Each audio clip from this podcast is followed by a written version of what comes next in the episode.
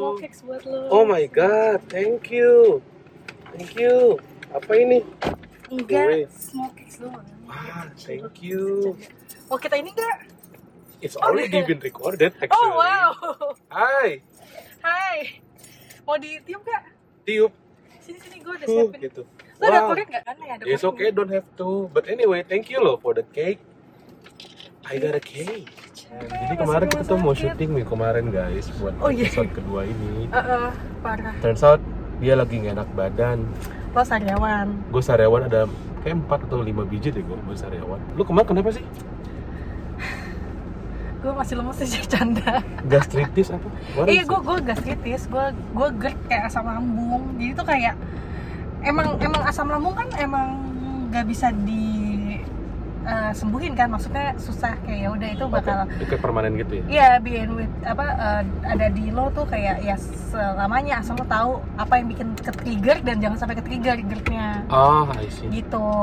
Nah kebetulan kayak hari Jumat itu gue lagi kayak hektik banget kerjaan, Ah. terus gue lupa makan siang, Oh. gue nggak ngopi dan gue lupa minum. Jumat tuh bukan di rumah ya? Di rumah WFH WFH. kan? Karena WFH gue sampai lupa minum, ngerti nggak? Astaga. Gue kerja di kamar soalnya kerja terus kayak "Ah, tiba-tiba udah sore aja nih. Oh, Gitu.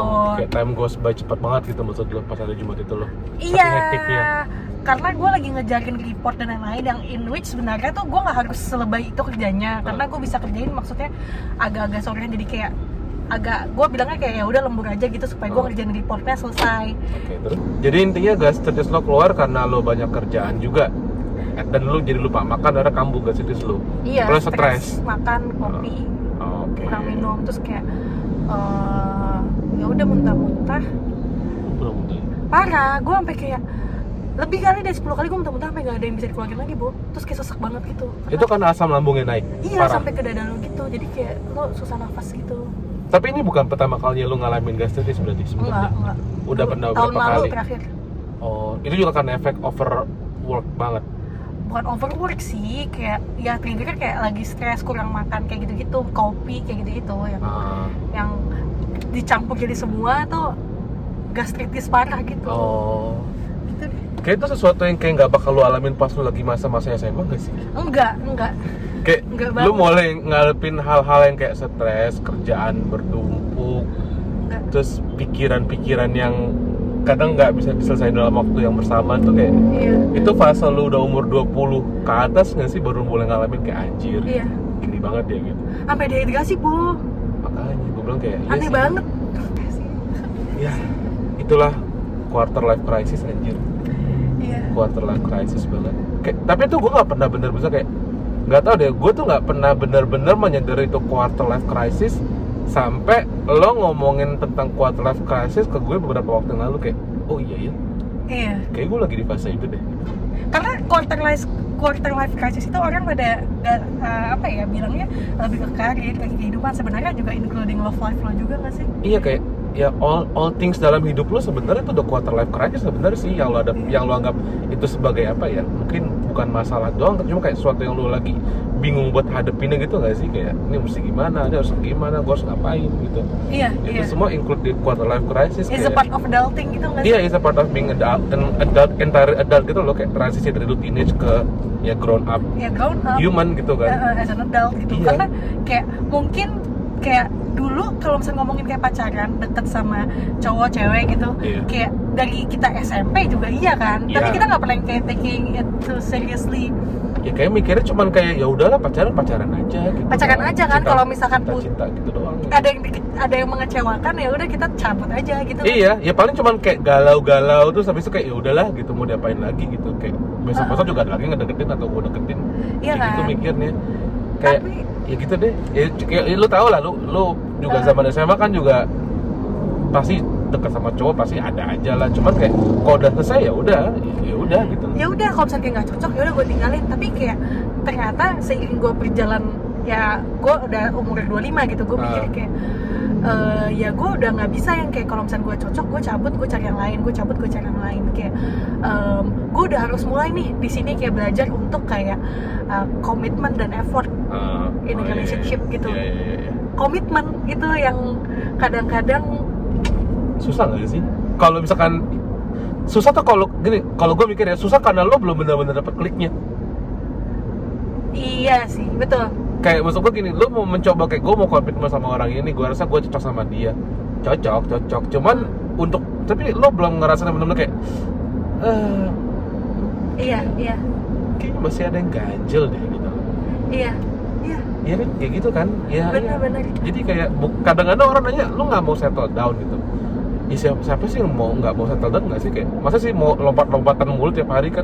iya Ganti orang, ganti orang, ganti orang. Cuman, maksud, Cuman- cuman, gimana gitu loh? Maksud kalau belum klik, itu semua gimana gitu loh? dan parameter untuk lo klik atau enggak itu bukan dari tampang kayak pasti lo ada certain kriteria lah kayak Iya. cewek itu harus cantik harus apa apa apa tapi kayak ketika nggak nemu klik ketemu spark Nah, sparksnya tuh kayak Nggak segampang itu gitu. gak segampang itu kan Karena kalau kriteria kayak dia harus misalkan well, let's say well educated gitu Uh-uh. kan dari keluarga yang jelas Uh-uh. itu kan sebenarnya persyaratan buat lo tertarik buat lo agree buat oke kita coba jalanin Uh. itu kan semua syarat buat itu kan Hmm. bukan syarat gua oke kalau dia udah dapat uh, well educated good family good karir oke gue fix nikah sama dia kan nggak juga sebenarnya Hmm. itu baru persyaratan buat gua mau untuk dekat sama orang itu gitu kan Hmm. coba begitu dekat kan pasti ada fase lainnya yang lo harus hadapin kan iya karakternya dia, Iya. cara pikirnya dia, sudut pandangnya dia kalau mau menghadapi suatu masalah kayak gitu-gitu kan. temperamennya dia Temperamennya dia kayak gitu. Oh, udah ngomongin talking about temperamen.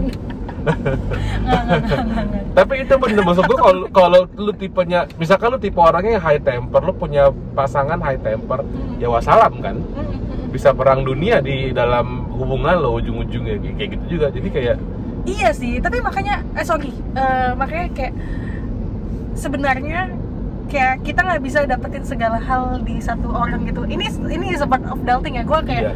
setelah gue kayak berpuluh kali gue ketemu sama orang, yes. kayak ternyata lo nggak bisa menemukan kayak 100% itu ada di satu orang gitu loh. Iya. Dulu kalau misalnya kayak masih muda, maksudnya masih ya awal-awal 20 belasan tahun Ya, kayak masih awal kuliah lah, teenage, gitu. teenage life kayak eh gue nggak dapet sesuatu di A, oh gue namanya di B, terus ada di C, oh yaudah gue jalanin semuanya gitu ngerti nggak? Iya.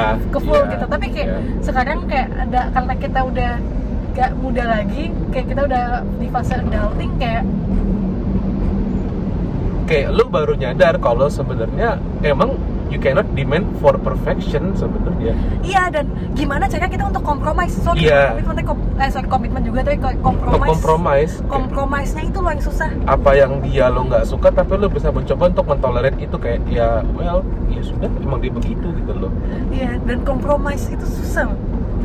Kompromis itu susah kalau misalkan itu sudah menyangkut hal yang prinsipal buat lo nggak sih? Iya sih. Anjir ini kayak jadi ngalor ngidul. Tapi bener kalau misalkan let's say gini kalau misalkan lo nggak suka sama cowok yang eh, dia tipenya suka ngerokok keseringan gitu ya udah lu kesampein aku nggak suka mau terlalu ngerokok misalkan gitu kan oke Ah. dia kan kompromi dia kan mengurangi dia tidak berhenti ngerokok cuma dia akan Iya. mengurangi itu ngerokoknya di depan lo gitu iya iya. at least dia udah mencoba untuk berkompromi dengan apa yang lo nggak suka dan lo pun jadinya kan harus belajar untuk berkompromi dengan effort dia sebenarnya kan gitu kan Iya iya. ya walaupun itu kalau dulu sih gue nggak tahu kalau zaman masih remaja kan kayak lu kalau udah nggak suka sama satu hal langsung lu karin out aja kan kayak itu oke cut gue nggak mau sama lo gitu cuma kalau Iya, sekarang kayak aja kayak ya kompromis. udahlah dia udah mencoba untuk menunjukkan usaha dia gue coba terima dia kan kayak gitu juga juga kan sekarang Iya kayak iya. gitu. Tapi lama-lama lo ngerasa nggak sih kayak ya kita pasti belajar yang namanya kompromis Iya. tadi ya berkompromi dengan segala kekurangan uh, pasangan kita Betul, betul, gitu. betul. Tapi kayak kadang itu juga yang bikin lo juga stres juga nggak sih? Iya, kalau misalkan itu yang kalau itu sesuatu yang bener-bener gue nggak suka dan dia nggak bisa ngerubah, itu gue stres sih. Kayak gue sih gue mikir, anjir masa gue harus nyari orang lagi? Kalau gue sih mikir gitu, Iya iya.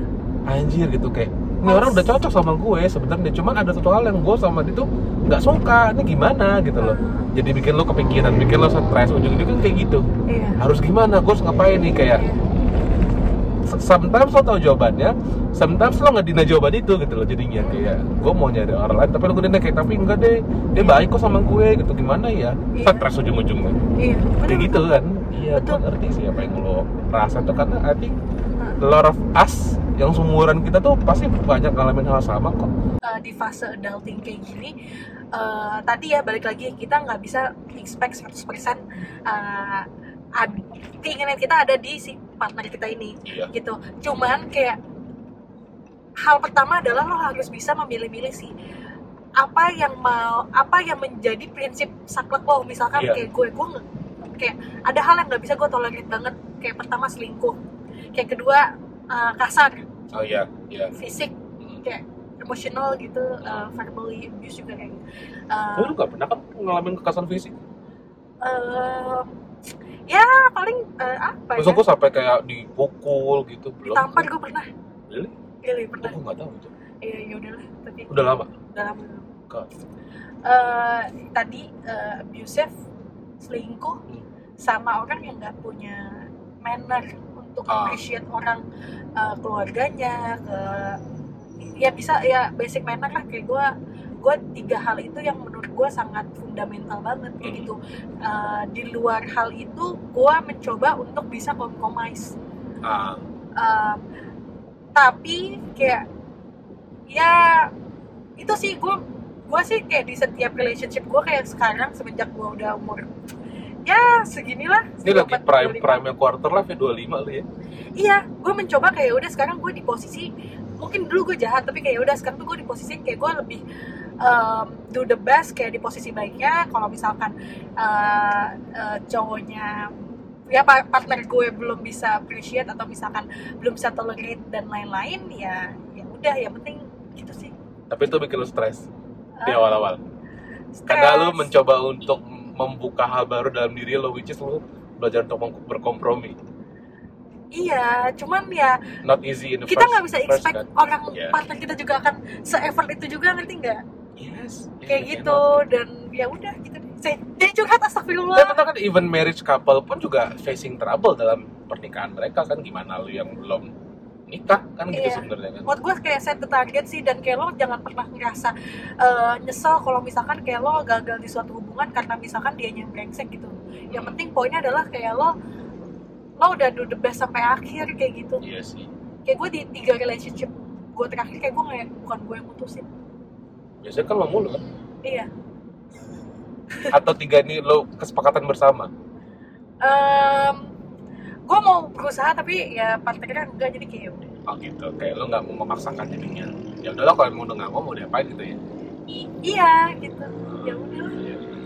si Chan gimana bul gimana Dan maksud gue kayak ya gue juga sama kayak lo. Maksud gue posisinya adalah kalau ya kalau kita zaman-zaman awal kuliah pun kayak even our early 20 pun kan juga gitu.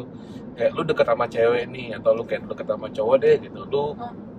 coba untuk PDKT udah ngobrol udah jalan belum sampai jadian gitu misalkan. Terus udah sesuatu yang lu nggak suka ya dulu lo mikir segampang itu kayak ah nggak cocok nih udahlah gitu.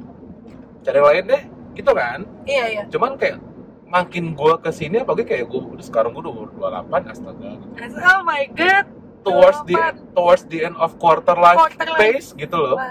Ya gue berpikirnya sekarang kalau misalkan gue nggak suka sama satu hal ya gue juga nggak mungkin berharap dia bisa menerima gue sempurna kan?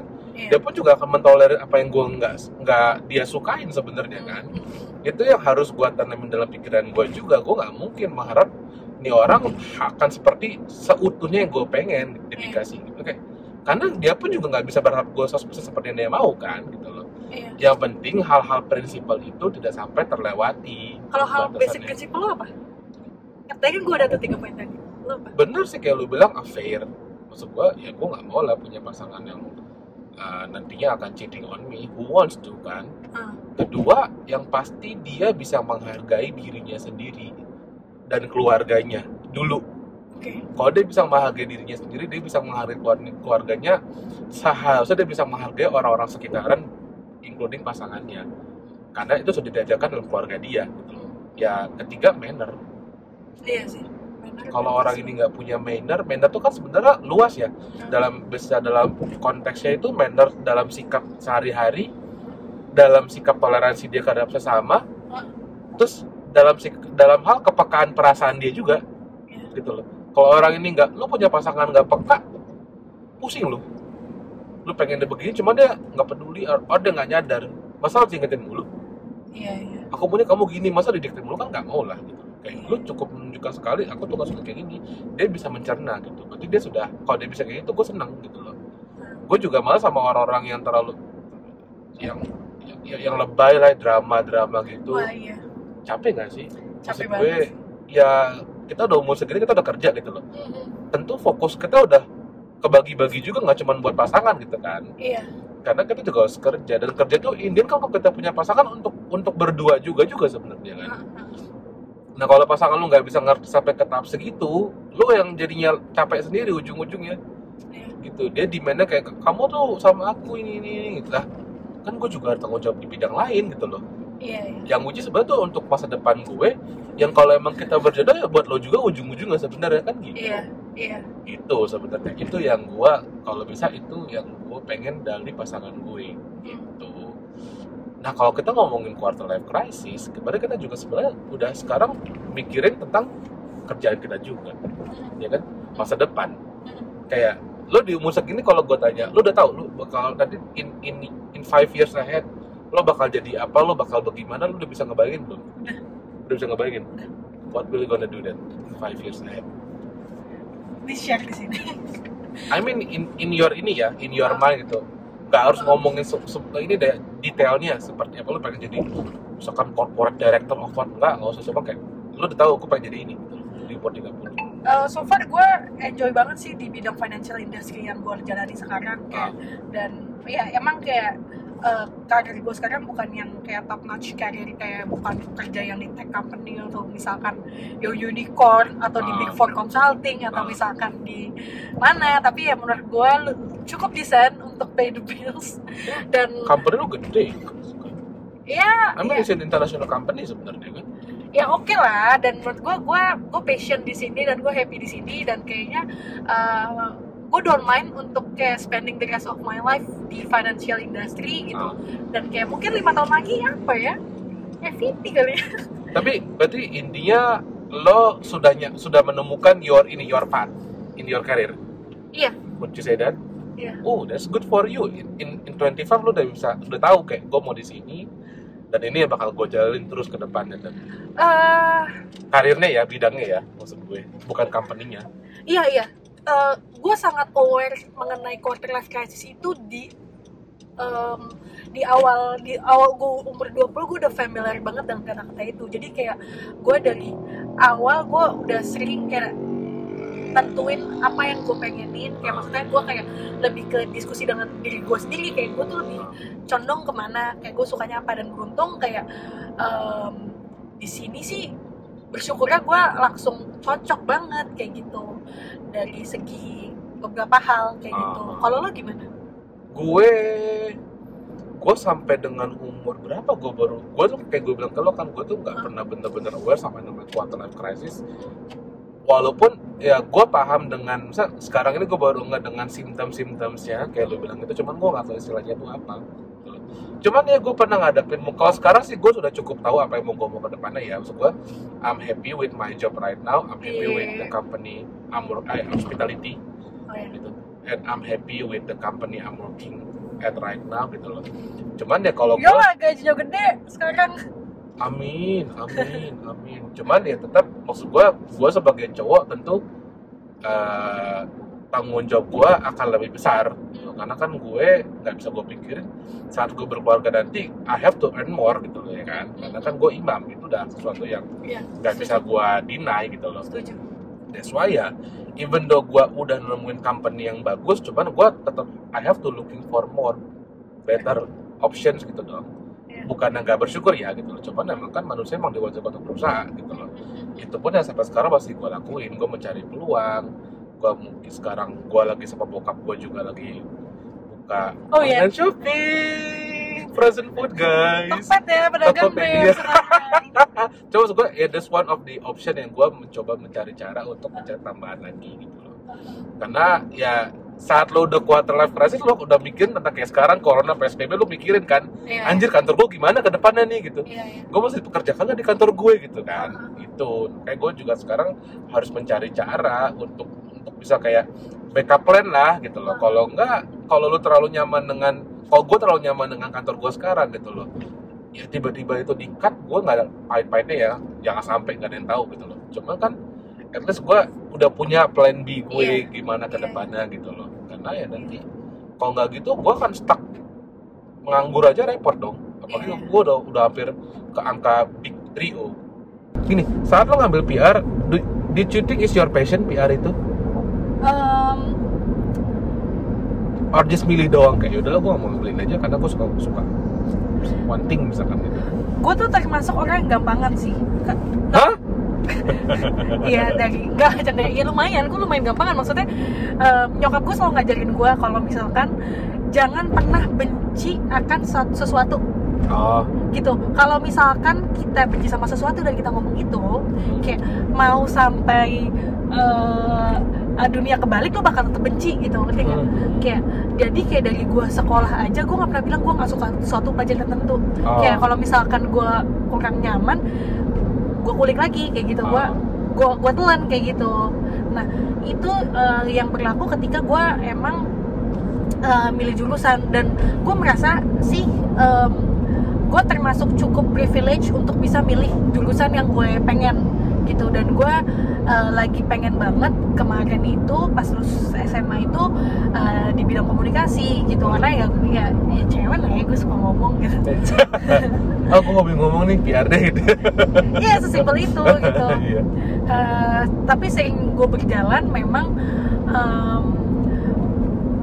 gue waktu lulus gue bilang sih kayak gue apa pun industrinya yang penting gue MT program gitu pokoknya. Oh. Eh, jadi ya gue di sini gue start dari nol tapi bersyukurnya bidang gue sekarang ini eh, walaupun di financial industry tapi gue tetap ketemu nasabah tetap ketemu dengan Hmm. business unit yang di mana itu butuh yang namanya communication skill. Iya.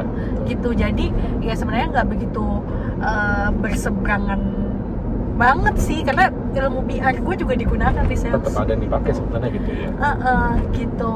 Nah tapi bu tadi kan kayak ngomongin mengenai karir gitu. Nah. kita ya cukup fortunate enough lah gitu. Ya fortunate enough lah gitu.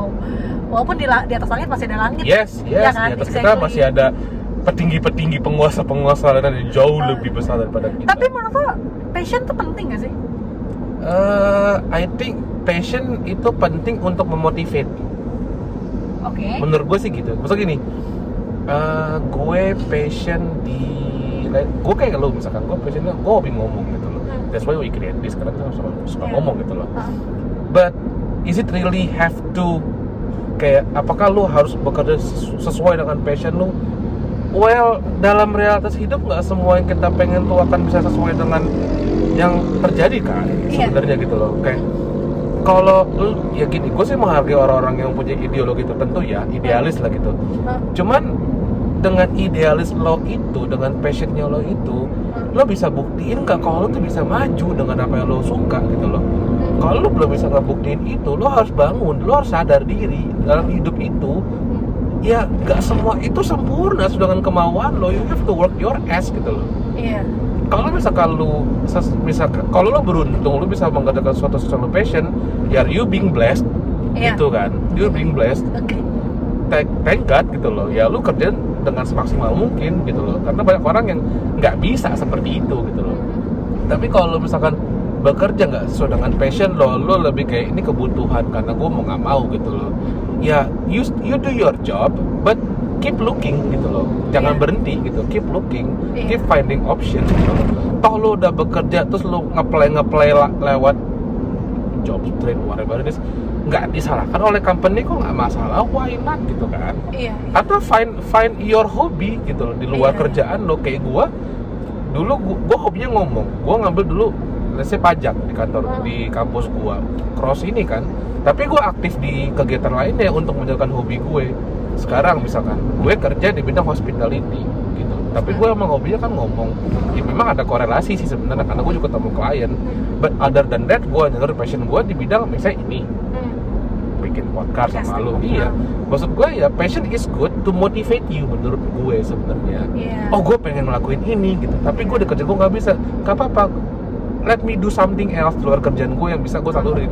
Siapa tahu itu bisa jadi lebih maksimal ya lu bisa ngerjain itu ntar suatu saat iya, iya. gitu kayak it's Iya, good to iya. motivate you gitu tapi jangan brings you down gitu loh Iya, kalau lu nggak bisa ngelakuin itu ya karena gimana tuh kita hidup di dunia yang isinya ya realita nggak semua tuh enak realita itu gitu loh banyak yang pahit-pahit juga ya lo harus telan mau nggak mau kan gitu Sama kayak pasangan ya, kita nggak bisa dapet yang Yes. benar-benar 100% Yes, Kalau bisa dapat exactly. yang 100% sesuai dengan kepengen kita ya itu bagus. Tapi Bagus. kalau misalkan kita nggak nggak semuanya ke fulfill, ya ya udah gimana caranya kayak kita prioritasin aja. Kayak kalau tanggung jawab kita tuh apa? Tanggung jawab kita ya eh, mencari uang gitu untuk misalnya menghidupi keluarga gitu. Eh, menghidupi diri kita sendiri kayak ya udah lakuin aja gitu. Kalau misalkan soal passion kayak sebenarnya lo masih bisa melakukan itu di luar kerjaan lo. Yes, gitu find your exactly. hobby kayak di Exactly.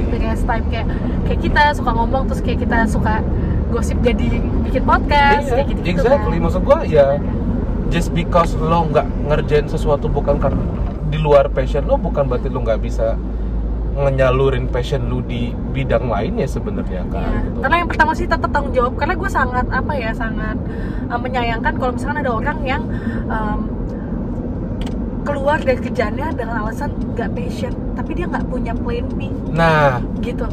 Betul. Itu yang gua ngerasa itu egois ya menurut gue. menurut gua ke satu egois kedua berarti lo nggak nggak dewasa. Menurut gua lo nggak dewasa. Karena gini lo keluar tapi lo belum punya backup plan. Lo belum bisa membuktikan passion lo itu menghasilkan sesuatu buat diri lo. Terus habis keluar lo bengong-bengong nggak tahu ngapain baru mencari gitu loh Iya. Dan menurut gue sih ini hal yang penting sih yang kita menurut gue itu hal yang penting eh, yang kita tahu ya eh, di quarter life crisis ini. Jangan sampai kayak kita nggak kayak masih terlalu ideologi banget iya sampai kayak iya. eh, karena ya udah umur 30 nanti kalau misalnya setelah umur 30-an bakal lebih susah lagi untuk bukan yang nggak bisa ya tapi agak lebih challenging untuk mulai dari nol lagi. Yes yes. Apalagi in average di umur 30 rata-rata orang udah berkeluarga ya nggak sih?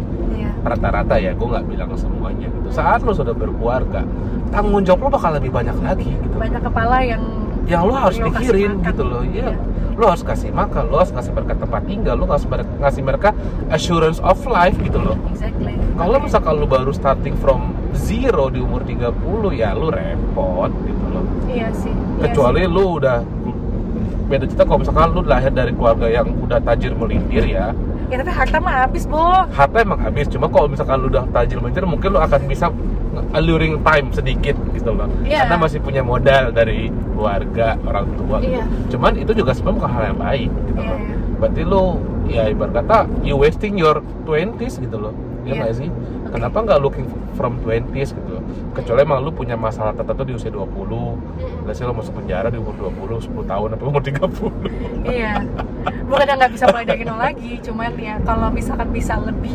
awal lagi itu lebih bakal baik lebih gitu. baik Jadi lagi. begitu lo umur 30 lu udah bisa ngeliat arahnya ke mana gitu Ah, loh.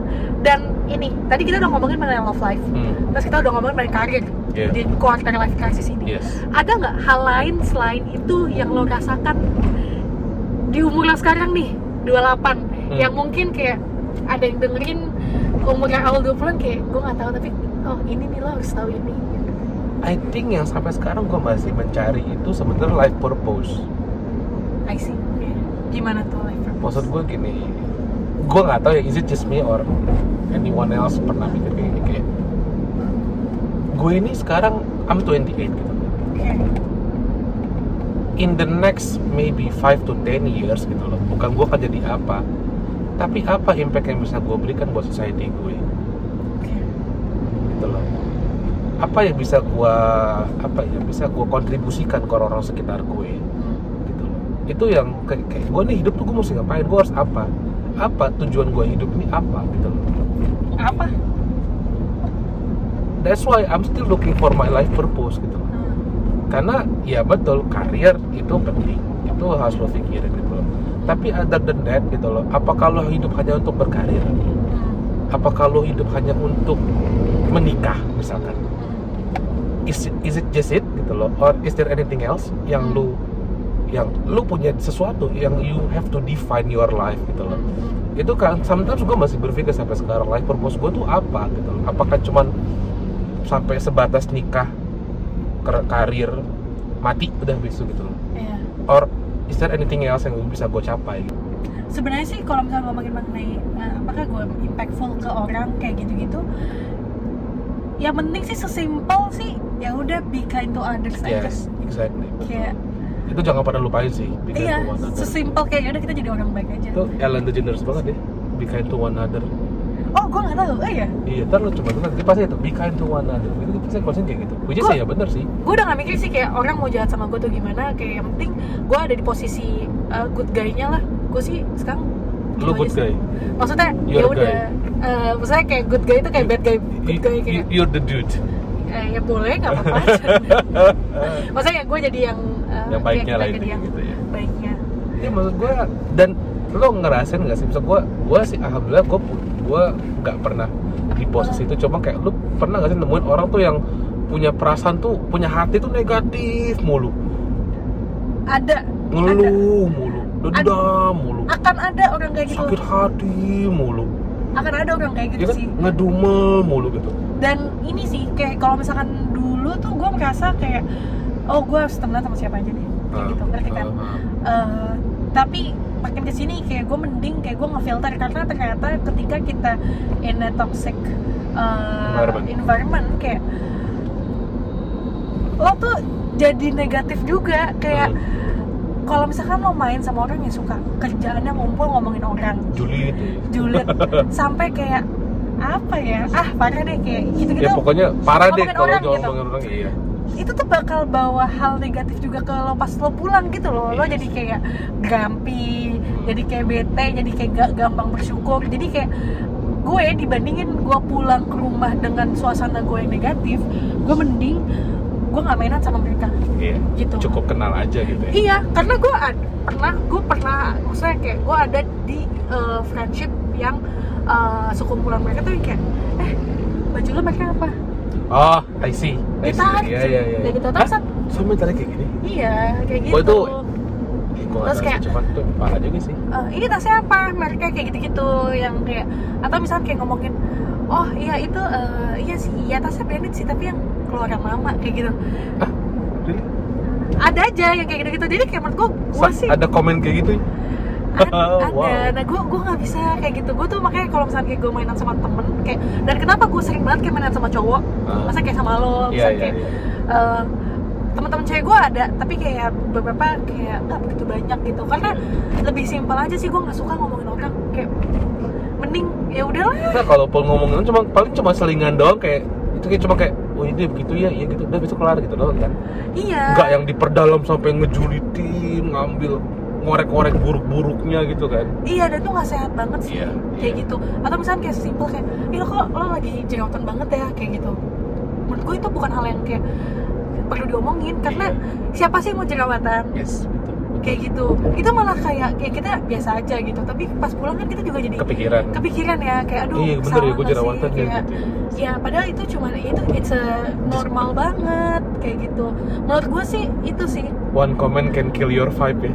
Iya, dan kayak one thing lo nggak perlu sih yang kayak terlalu maintain semua uh, pergaulan uh, lo kalau misalkan itu toxic mending lo cabut deh itu nggak baik buat uh, mental health lo juga Tapi bener kan makin lo bertambah usia sebenarnya se- secara nggak langsung makin ke filter lah Iya, circle lo, iya, ya kan? iya, iya. Ya, itu juga yang gue alamin sih. Iya. Ya, Ya nggak perlu musuhan. no, Cuman- nice to know you aja. Nice to gitu. know you aja gitu. Jadi kalau misalkan kayak masih ketemu, masih kayak say hi. Tapi kalau misalkan untuk ketemu yang rutin, yang frekuen frekuentif itu ya mending jangan sih gitu. Gitu sih menurut gue.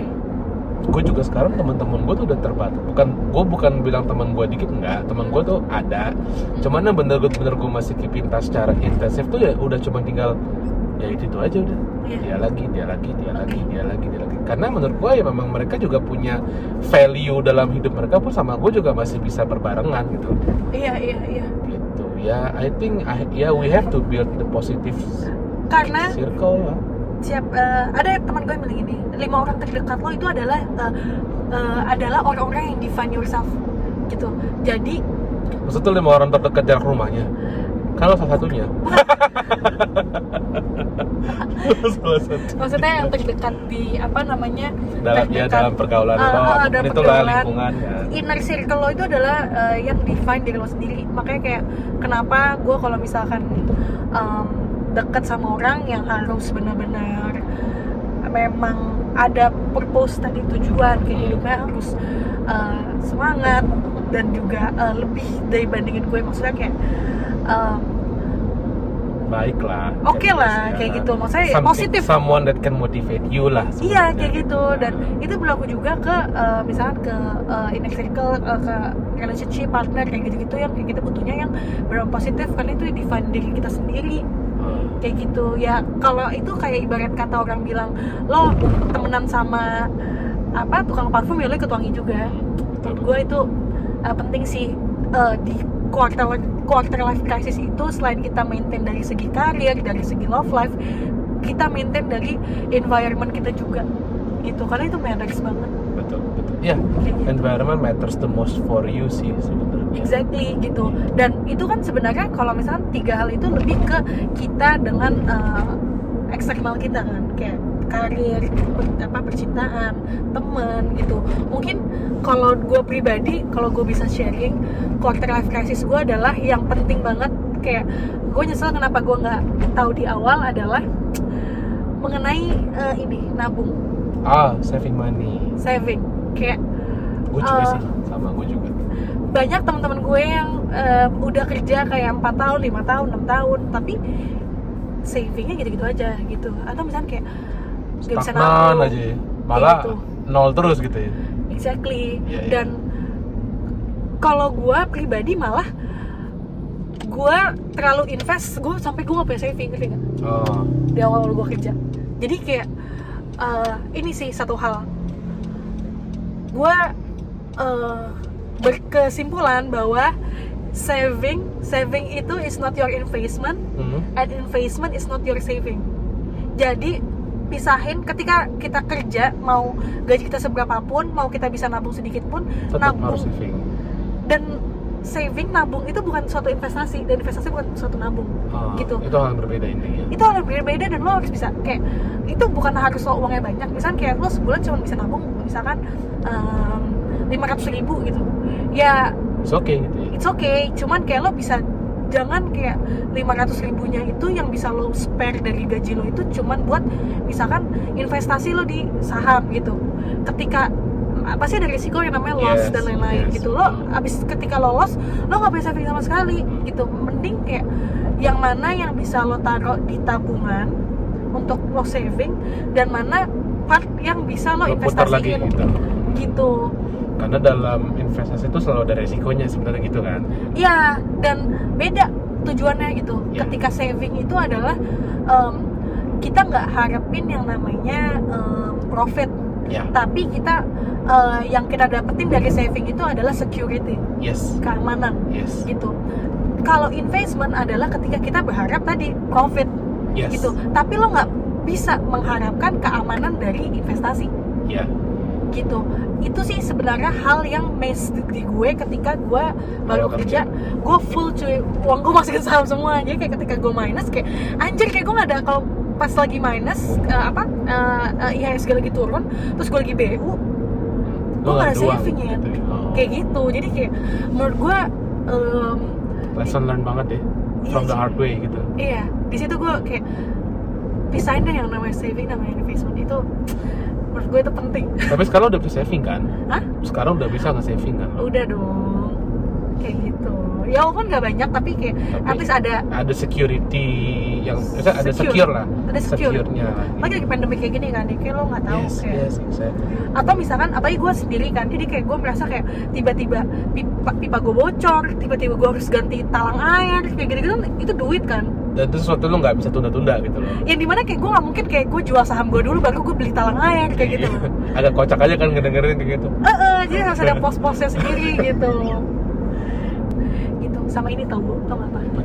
Quarter life crisis yang kayak eh, kita harus tahu sebelum kita tua. Oh iya, tau apa apa tuh? bayar pajak. Oh, that's true. bayar pajak ya lo ngerasa gak sih kita kayak kita ketika kita adulting kita ngomong adulting bayar pajak. kita bayar pajak kan? Yes yes. Iya kan? Yes. Tapi lo tau gak sih kayak apa aja yang perlu lo bayar?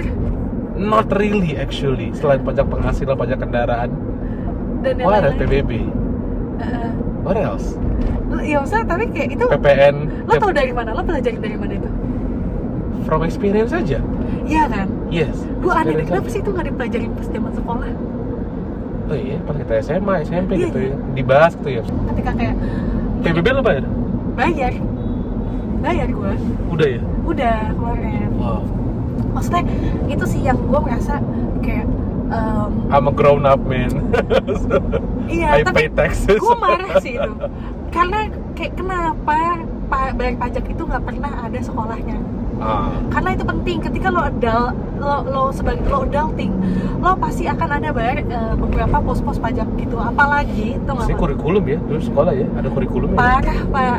Itu dan ini sih apalagi ketika lo punya orang tua orang tua lo itu sebagai boomers mereka investment uh, tend to buy fixed assets. Ah. either itu tanah rumah dan parahnya adalah bisa aja orang tua lo udah beli tanah di mana terus lupa. Oh iya banyak sih kayak gitu setahu gue. Kayak gitu? Heeh.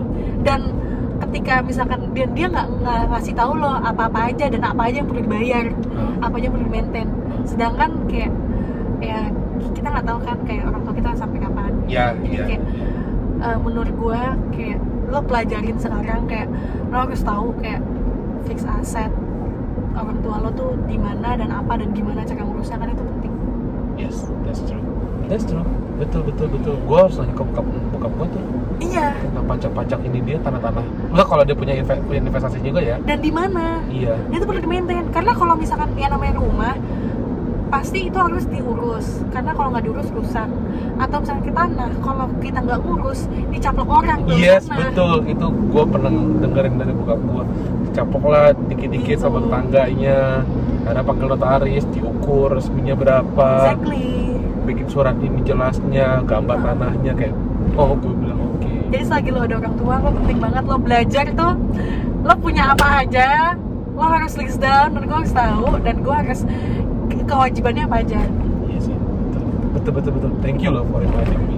Itu I should I should I should ask that to my Iya. parents sih. Anyway thank you loh cak. Thank you loh for for coming this lo ini. This is our podcast. Iya, makanya, makanya thank you juga untuk bisa sharing tentang your life sih. Kayak, lo juga lo bo. Ya itu kan intinya kan sebenarnya personal life kan, nggak semua orang mau mengungkapin. At- I think lo cukup detail sih. kenapa thank you ya? Anyway kayak em, lumayan kita random banget. Kayak episode 1 kita ngomongin mengenai dating apps kayak Bumble dan lain-lain. Sekarang Jomplang ya, jomplang ya? sekarang kita ngomongin mengenai apa? Adulting ya? Adulting which is quite bit berat sih topiknya. Iya. Tapi kenapa kita ngomongin ini karena kita ngerasa semua orang pasti pernah ngalamin itu. iya betul Dan gitu kita mau sharing aja apa yang kita udah alamin dan mungkin siapa tahu apa yang kita sudah kerjain itu bisa menjadi sebuah apa ya ya bukan inspirasi mungkin atau something yang kayak manfaat mungkin kayak oh ya bisa mungkin bisa kayak gini gitu Iya. so Eh, boleh info mau kita mau bahas tentang apa untuk episode ketiga? Nanti komen aja di YouTube kita. Yes yes yes. Eh, komen di YouTube please subscribe juga. Eh, eh, biar kita lebih semangat untuk membuat video-video podcast kita ke depannya. Iya boleh. Nggak apa-apa. Iya. kalau pengen bisa eh, Ya. like sub- subscribe gitu gitu betul. Oke Oke, guys. thank you so bye-bye. much. Bye bye see you in another next episode